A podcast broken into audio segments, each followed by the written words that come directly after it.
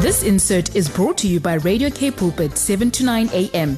Please visit kpulpit.co.za. Môre Zantie Swanepoel. More, Brad. I love that one. Crazy for God. Absolutely. Uh, I see we got a message here from one of our listeners up in Pretoria. He says, I'm crazy too, and I love it. So thanks. We've got lots of crazy people. That's it. We are God's crazy people. Stepping out in faith, doing things the world only shakes their head at. And we know we're doing it because we love Jesus and we love to live by faith. Zanti, ek kan nie wag om te hoor wat jy vir ons het nie. Ons het so 'n golden Ja. thread wat hier deurloop deur die program vanoggend. So ek kan nie wag om te hoor wat jy sê nie en ek is reg vir 'n verrassing. Wel, weet jy wat, nee. Ek kan net sê, I have a crazy story of faith this Ja? morning. crazy. and I think it is that crazy faith that God wants to impart to each one of us. Every listener. Oh, the story blessed me so deeply. And if I can just be your, not even a quarter, if I can just be a tenth, uh, net 'n stukkie van wat hierdie man was and his faith, then wow, it just blew me away. My story this morning is really about crazy faith and living, living a life in utter dependence Ja. of God. You know, we we sometimes want to have faith, and, and I mean, we're just human. Myself, I count myself in. um, we want to have faith, and we do have faith, but we also want to sort it on the side. Daar net ingeval. And yo, my after this story, you just be sold out to God in a way this man was. Crazy to believe that God's word is true. Mm. Crazy to believe that he can really sort you out. Crazy to believe that he can really, really provide in your time of need. Now, my story this morning plays off in the 1800s, and it's a story of George Miller, who lived between 1805 and 1898. He became 92 years old. He was the father of orphanages. There wasn't something like that in his time, and and I want to share with you this man's heart, his faith, his crazy dependence on God. You see, George Miller has read the Bible more than 200 times. Nice. When I read that, I could only say to myself, how many times have you read the Bible, Zantie? How many times have you eaten the Word of God in such a, a dependent way? Mm. You see, 50 times he read the Bible on his knees before his death. Wow.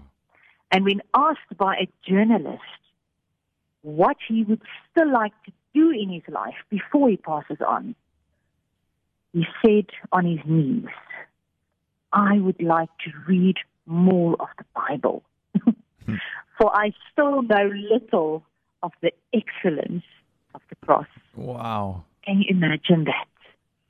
Going through the Bible more than 200 times and still saying, I still know so little about the excellence of the cross. Miller, Miller founded several orphanages and he took care of more than 10,000 orphan children. Hmm. He built five sets of orphanages.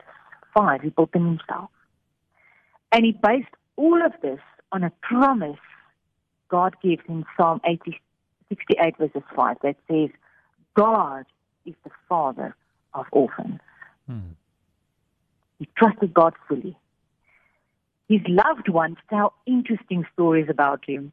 Among them, only when when Muller prayed in his room and his fame was already remarkable, the Queen of England one day came to his house and wanted to address him. So the waitress knocked, her waitress knocked on his bedroom door and said, Mr. Miller, the Queen is in the living room and she wa- is waiting to talk to you. He replied, Tell the Queen that I cannot come now, for I am speaking to the King of Kings Jo. and I cannot receive her now. I, I actually want to leave a dramatic pause right there. Crazy. On another occasion, his orphanage was looking for food for more than 1,000 orphans.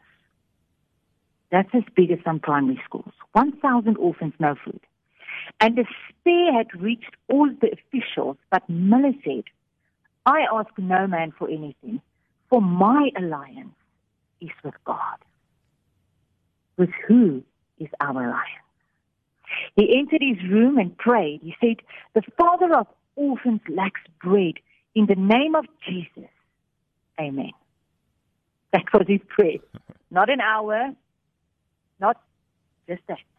Sure. A few minutes later, several strollers with loaves passed by the orphanage door, and the man driving the car said, Mr. Muller, we went to deliver these breads to the royal family at the castle, and they said that these breads were too roasted, and not for us to throw it away, we decided to donate it to your orphanage this morning.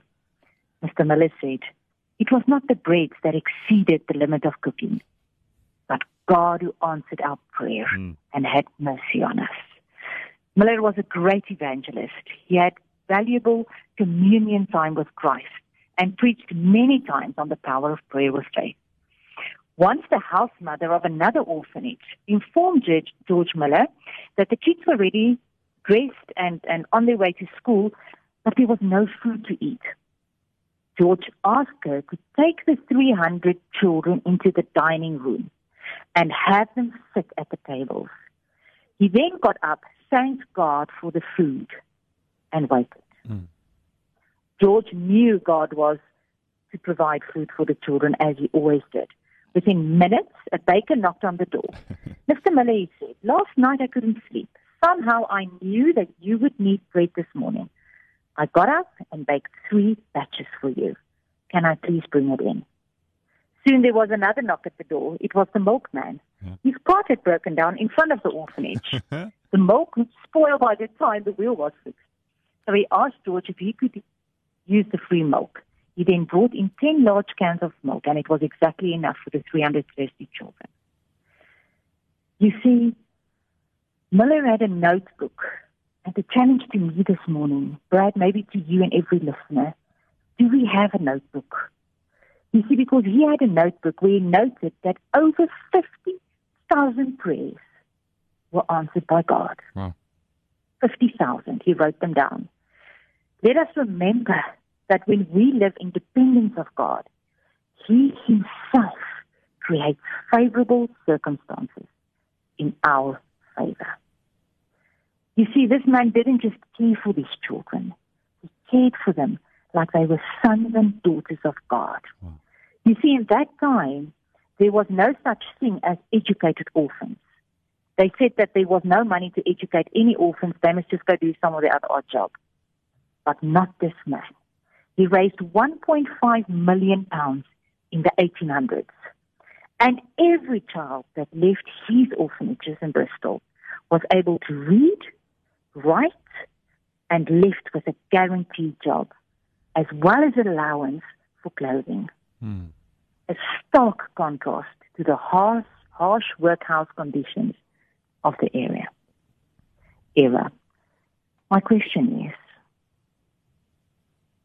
do we have this crazy faith mm. that God will really provide?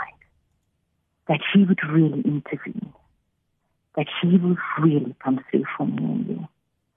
And do we understand that we are sons and daughters of the Most High God? Do we live in excellence? Do we expect excellence? And may we always remember that when we live in dependence on God, He Himself creates favorable circumstances in our favor. I pray this morning hmm. that this would be true over your life and my life. In Jesus' name, may be we be prayer warriors Yeah. that believe each word we pray with all our hearts. That we know that God loves us, that He is for us, that He is with us. Emmanuel. Where may we know this morning that His faith is true. as much as we believe in him, he believes back in us. Hmm. And he wants us to make a difference in this world. May we live lives bigger than ourselves, bigger than our own problems. May we reach out. May we touch. May we engage. May we have crazy faith that every soul can and must be saved for eternity. Amen.